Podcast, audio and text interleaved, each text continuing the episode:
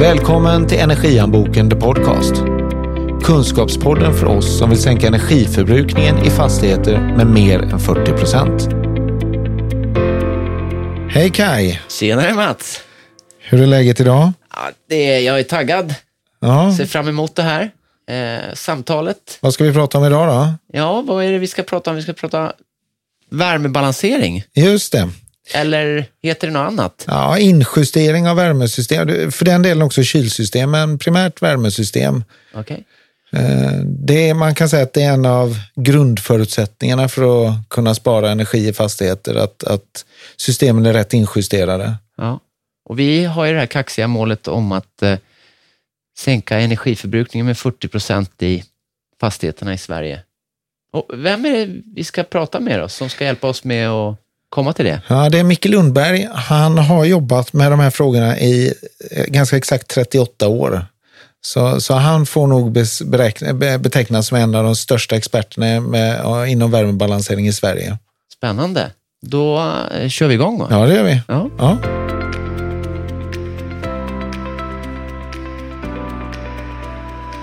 Tjena Micke, välkommen till Energihandboken The Podcast. Jätteroligt att vara här. Spännande. Kul. Härligt, välkommen.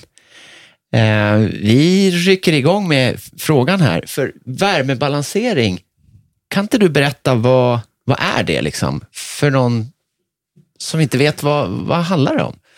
Det handlar ju om, eh, får jag börja med en problembild och så kan jag berätta om lösning Ja, visst. utifrån den problembilden. Det handlar ju om i en fastighet så uppstår eh, ganska ofta ett problem att det är en del lägenheter som är för kalla och en del för varma. Ja, det kan vi känna igen oss i. Ja, eh, och eh, värmebalansering löser de här problemen så alla lägenheterna blir lika varma. Ja, just. Lite enkelt då. Och, och okej, om värmebalansering är själva lösningen, hur, hur löser man det då, så att säga? Löser man det? eh, och vad är problemet kanske blir intressant också. Ja, eh, problemet egentligen är ju att vi har ju vatten som cirkulerar i våra rörledningar. Och vattnet är ju det som transporterar energin, eller värmeenergin, till våra element. Ja, Eh, och problemet uppstår ju egentligen för vatten rinner ju alltid lättaste vägen. Och i ett oinjusterat system så rinner vattnet alltid lättast till det elementet som är oftast närmast undercentralen. Och sen blir det svårare ju längre ut det kommer. Så värmebalansering handlar om att få vattnet att flöda så att alla får den värme som de ska ha. Ja, precis. Så vi Ja. får eh, värmevattnet dit vi önskar egentligen. Men, och, och alla lägenheter har inte samma värmebehov heller va? Nej, det stämmer det. det stämmer. Men det har man reglerat oftast med att man har eh, lite större radiatorer eller mer radiatorer där st- värmebehovet är större. Ja, och då, när du, då är det konvektorytan, alltså... Ja, precis. Storleken på den här. Ja, Konvektorytan, vad är det på svenska då? ja vad är det? Ele- elementet är det i Elementets folkspråk. storlek. Ja. Okej, Du- storleken du kan, på elementet. Du kan ha det, du, det finns ju element som är lite tjockare med flera värmeelement i. Mm. Eller så kan du ha dem lite längre och liksom större yta. Så det, det är ju den yta som konvekterar värme kan man säga. Ja, just. Ytan mot luften i rummet. Ja, precis. Och, och, och ibland har du, har du folk som drar för gardiner och ställer soffor för och sådär. Då, då får ju värmen svårt att komma ut i, Ja, just. i rummet. Men värmebalansering handlar om flödet i rören.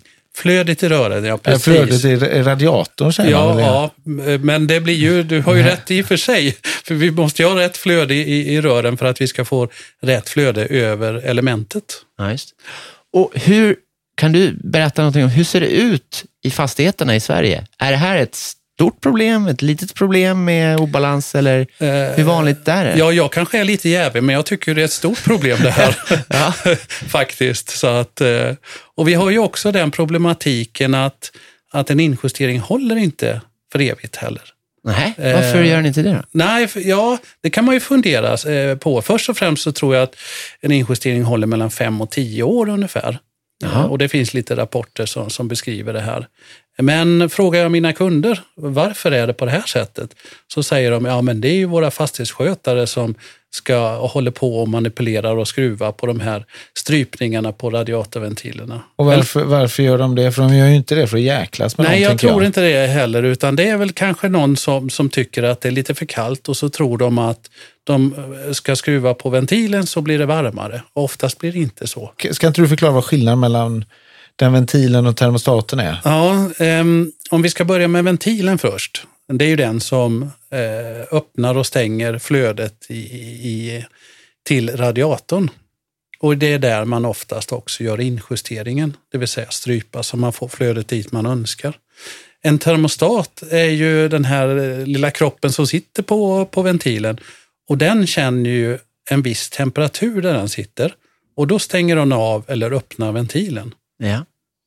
Och det är ju som du var inne på Mats här innan med gardiner, det är ju ett problem för att termostaten känner ju temperaturen den sitter och får vi en stor fin gardin eller en soffa för, ja men då blir det ju varmare och gosigt där. Och då stänger den ju av tidigare, inte utifrån vad det är för någon temperatur i rummet, utan vad det är för någon temperatur bakom gardin och soffa. Liksom. Aha.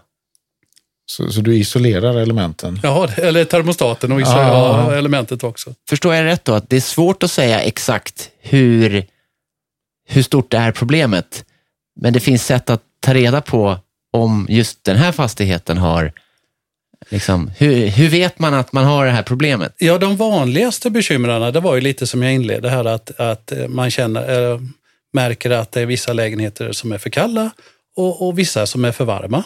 Sen finns det ju andra delar. Det kan vara att det låter från ett element exempelvis. Det är också en indikering på att det är eh, Och varför låter det i elementen då? Ja, oftast då så är det, kan både vara för högt flöde och för högt tryck från cirkulationspumpen. Och då får man det här brusande ljudet som är ganska störande från ett element. Okej, och vad har det för effekt på själva värmen då? Blir det, om det är för högt tryck, blir det för varmt då eller blir det för kallt? Eller vad? Ja, men det, det kan ju vara så att det är alldeles för mycket flöde. Så Det elementet blir alldeles för varmt, men då stjäl det vatten från något annat element i systemet och då är det någon annan som får för kallt. Okej, du så får för stort flöde genom det, den, det elementet. Ja. Så du får för lågt flöde, oftast längst upp i fastigheten. då. Ja, det är ju lite Robin Hood här liksom. Det, det, Det, det är någon som stjäl eh, allt vattnet från, Okej. från, från någon annan stackare. Så att, Men det bygger på att de rika bor längst upp då? längst, ner, längst ner blir det. Nej, du skulle stjäla från de rika längst upp. Vi har ju det här äh, målet med att vi vill ju att fastigheterna ska minska förbrukningen av, av, äh, av energi med 40 procent. Mm. Hur, hur stor del av liksom, värmebalansering är lösningen? Hur, Jag brukar säga att eh, en värmebalansering ger ungefär 5-15 procent i minskad energianvändning. Eller energiförbrukning som vi har i talspråk. Och, och hur kommer det sig då?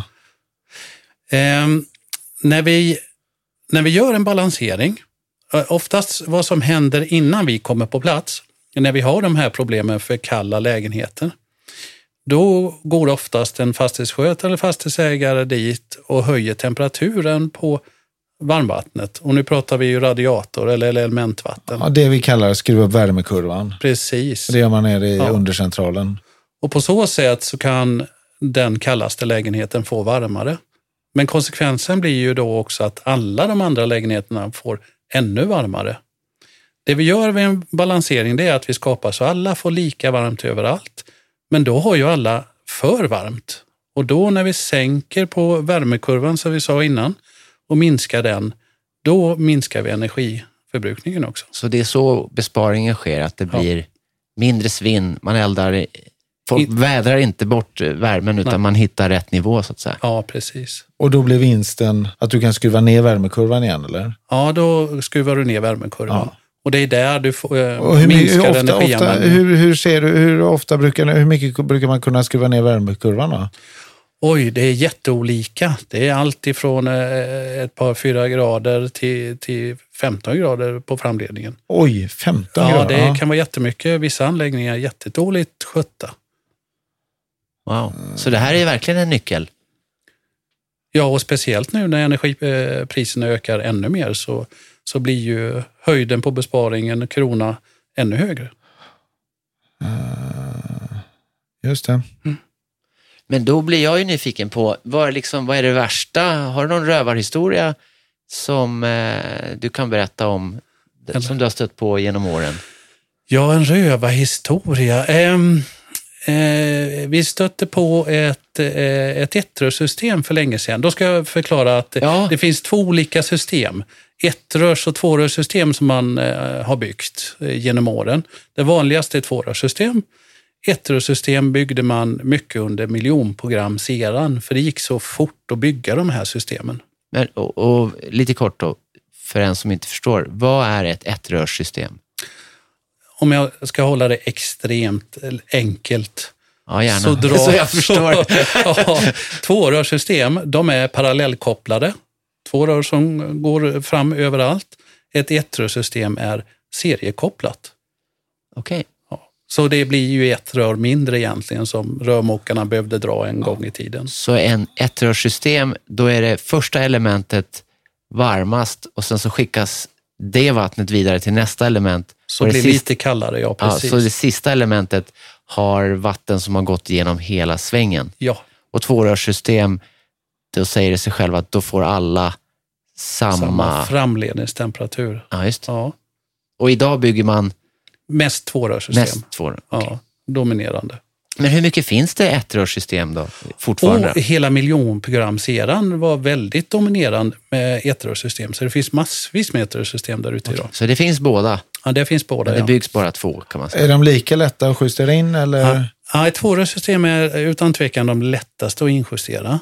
Eh, och det finns inte så många kvar som, är, som eh, har varit med och har kunskapen runt etrosystem, hur de ska fungera egentligen. Va, va, vadå, va, vadå inte så många kvar? Ja, det, var, det, var så, det, det, var så länge sedan man eh, byggde etrosystemen nu. Ja, men vi, vi får gå tillbaka till 60-70-talet, då ja. var det vanligt. Efter det så, så är det inte så många etrosystem som har byggts. Okej. Okay. Så att... Men de ska ändå balanseras? De, eh, och det, de är oftast de som har störst bekymmer med det här balansering på grund av det som vi sa, att de är seriekopplade. Ja, just det. Jo, där var vi och, och eh, hjälpte... Nu är du tillbaka till Gotland då? Ja, nu är jag tillbaka till Gotland. Det är ja. ju jättetrevligt att åka ja, dit. Det är fint på Gotland. Och det var 500 lägenheter där, där de seriöst funderade på att byta ut hela systemet, eh, nya kulvertar, nya undercentraler, nya radiatorer och allting. Och vi pratar ju vi pratar ju 50 miljoner åtminstone.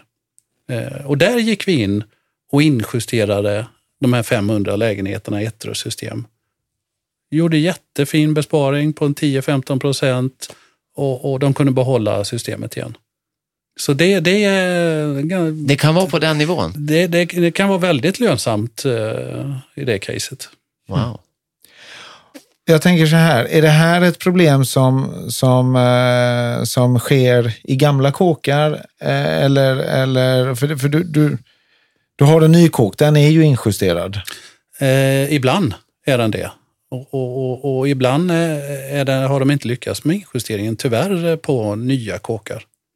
Så du ser den här typen av problem även i nybyggda fastigheter? Ja, tyvärr är det så. Och vad kommer det sig? Ja, ja um, det här är ju en specialistkunskap, injustering. Eh, rörmokarna som bygger värmesystemen är ju jätteduktiga på att göra det, men, men de injusterar ju så otroligt sällan så de saknar ju många gånger den teoretiska kunskapen eh, och praktiken med att vi, vi på Värmebalans eh, jobbar ju med det här dagligen. Just det. Kunskapsfråga tror jag. Ja. Du Micke, hur går det till när ni gör en värmeinjustering? Kan du inte liksom guida oss genom processen? Vi tycker ju om att ha ordning och reda på när vi gör sådana här saker, så vi gör alltid en beräkning först. Dels tittar vi på hur mycket effekt borde den här fastigheten dra? Hur eh, ska vi eh, skapa den här injusteringen, det vill säga vi behöver göra en tryckfallsberäkning. Vi vill ha eh, en riktig karta innan vi går ut och börjar skruva och skruva in radiatorventilerna. När vi har gjort den här kartan och den här beräkningen går vi ut och, och injusterar, det vill säga ställer in på ventilerna överallt. Sen när vi har gjort... Men, men då måste ni... Ja, då, då, nej, nej, men, men då, ni, ni justerar in varje radiator? Varje radiator. Och varje radiator har ni räknat ut vad den ska ha för inställning på ventilen? Ja. Och ibland så behöver man injustera stamventiler också. Okej. Ja, beroende på storlek och hur det är utformat. Ja. När vi har gjort den processen, sen går vi alltid ut och mäter både på elementen och i rummen så vi ser att vi har rätt temperatur och rätt flöde överallt. Gör du det, men det kan du bara göra under värmesäsong eller? Ja, nej, vi behöver ha lite kallare då, det är Ja, helt rätt. ja. Helt rätt. Och sen eh, avslutar vi med att eh, vi tycker att kunden ska ha en riktigt bra dokumentation med beräkningar, med ritningar, de ska ha koll på eh, uppföljande kontroll också. Då ty där tycker vi är en, en riktigt bra process. Då har ni liksom gjort det som ni vill göra. Mm. Jag förstår. Spännande. Vad, vad har du för pay-off-tid? Om du sparar 5 till 15 procent, men vad, om jag tar en bostadsrättsförening här, vad, vad är, vad är pay-off-tiden på, på att göra en värmeinjustering? Det beror på lite grann hur omfattande det är, men jag skulle säga runt 3 till 5 år är pay-off-tiden. 3 till 5 år. Ja, det, det är ju sällan du kan sätta in 100 000 på banken och tre år senare plocka ut 200 000 tänker jag. Det det är ju väldigt bra avkastning. Det är bra faktiskt, avkastning. Ja. Ja. Eh, speciellt när energipriset går upp så, så går den ner också. Ja, det, går, det är ännu bättre läge nu faktiskt. Ju dyrare el, ju, Ja. ju, ju fortare går det att tjäna Ja. in det. ja, och allting hänger ihop här. Liksom. Vi har fjärrvärmekostnader som ökar etc. Så att, Så du får, om vi liksom, så du får spara pengar och du får bättre inomhusklimat. helt rätt. Ja. Och du gör en impact för miljön också, får vi inte glömma här. Just det. Ja, precis. Och bidrar till de här 40 procenten som vi ser att vi kan spara i fastigheter. Ja. Sen kommer det lite andra små grejer runt omkring det här. Jag menar, har vi en för kall lägenhet, ja men vad gör fastighetsskötaren då? Han måste skicka dit någon som tittar och felsöker. Där kommer det kostnader också. Just det. Inte Ja, så att du, sli, du slipper en massa Utryckningar. utryckningskostnader. ja. Och Och man du vill ju- får hyresgäster som är glada. ja, det är inte minst. Ja. eh, innebär det här då, jag ska bara, innebär det att alla får lika varmt? Eller innebär det att, att jag kan, för jag vill ha det lite kallare och jag, liksom, om jag är pensionär så kanske jag vill ha det lite varmare. Ja. Man skapar ju förutsättningen för att alla ska ha, kunna ha samma temperatur. Sen om du vill stänga av till ditt sovrum, ja men det gör du ju på den här termostaten då som vi beskrev tidigare. Då tackar vi Micke.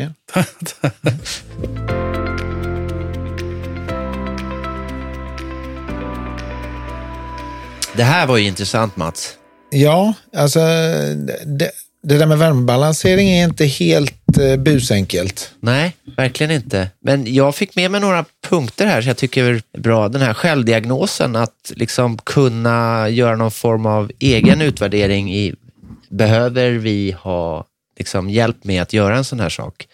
Just att det låter, det är olika, vär, olika temperaturer i olika lägenheter. I Ja, du har olika... svårt att få jämn temperatur i hela fastigheten är oftast ett tecken på att den är, den är felaktigt injusterad eller felaktigt inställd. Ja, precis.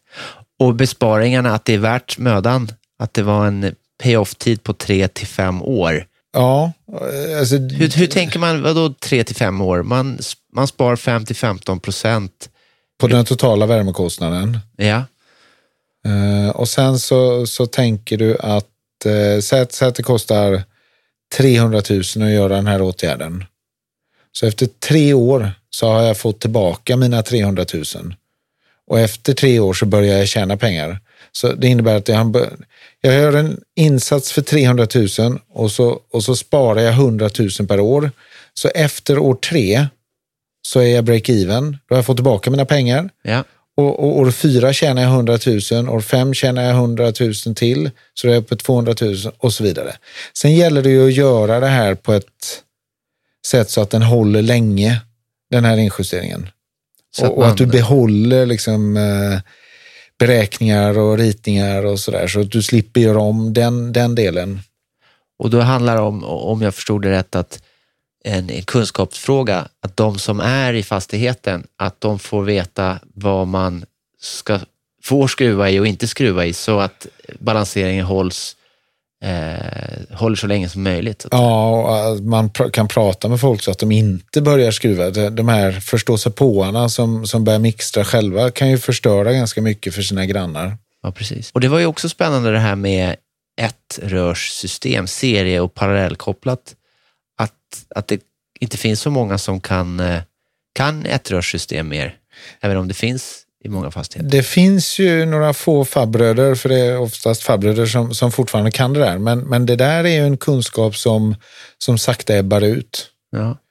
Så den är ju, det, det är ju en del av det Micke gör när han, när han anställer nya medarbetare. Det är ju att lära upp dem i både ett rörs och två Eh, och det där gänget som han basar över, det, de är en åtta, åtta man hos oss. Men i, i det gänget har vi ju mer högskolepoäng eh, än, än i hela Indor tillsammans.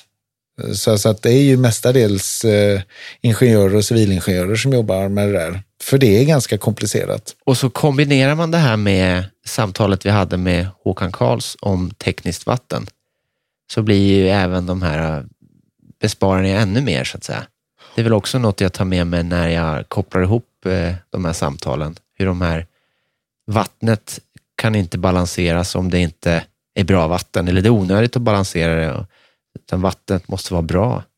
Ja, du måste ju ha en bra transportör av värmen eh, för att du ska kunna få ut den ordentligt i radiatorerna. Ja. Eller i golvvärmen också för den delen. Ja, jag har då lärt mig någonting eh, igen här och jag hoppas att ni som lyssnar på det här få mer eh, kunskap som gör att ni kan vara med och, och sänka förbrukningen av energi i fastigheterna i Sverige med, med våra 40 procent som vi jagar. Ja, vi jagar ju, det är ju liksom vårt mål att hitta de här 40 procenten och, och, och, berätta om hur man kan hitta dem. Ja. Uh, och de här två, två avsnitten beskriver ju några av grundparametrarna som du behöver ha koll på i en fastighet för för att spara energi. Sen ska vi återkomma med massor av mer grejer som man kan göra. Och, och, och beroende på var du befinner dig i utvecklingen av fastigheten eller liksom standarden på fastigheten så, så är det ju olika saker du ska göra. Ja, precis. Det, det vi brinner för det är ju kopplingen mellan de olika teknikslagen. Ja, så man gör rätt sak. Ja, vid mm. rätt tillfälle. Säger vi tack tack och bock för idag eller? Det är precis vad vi gör. Ja. Aha. Ses nästa gång. Ja, det gör vi. Tack, hej. Hej. Hej. Podden görs av oss på Indoor Energy. Våra kunder har de energieffektivaste fastigheterna för att vi är specialister på samverkan mellan kyla, värme, ventilation och styrreglerteknik. Läs mer om oss och våra 250 experter på indoor.se.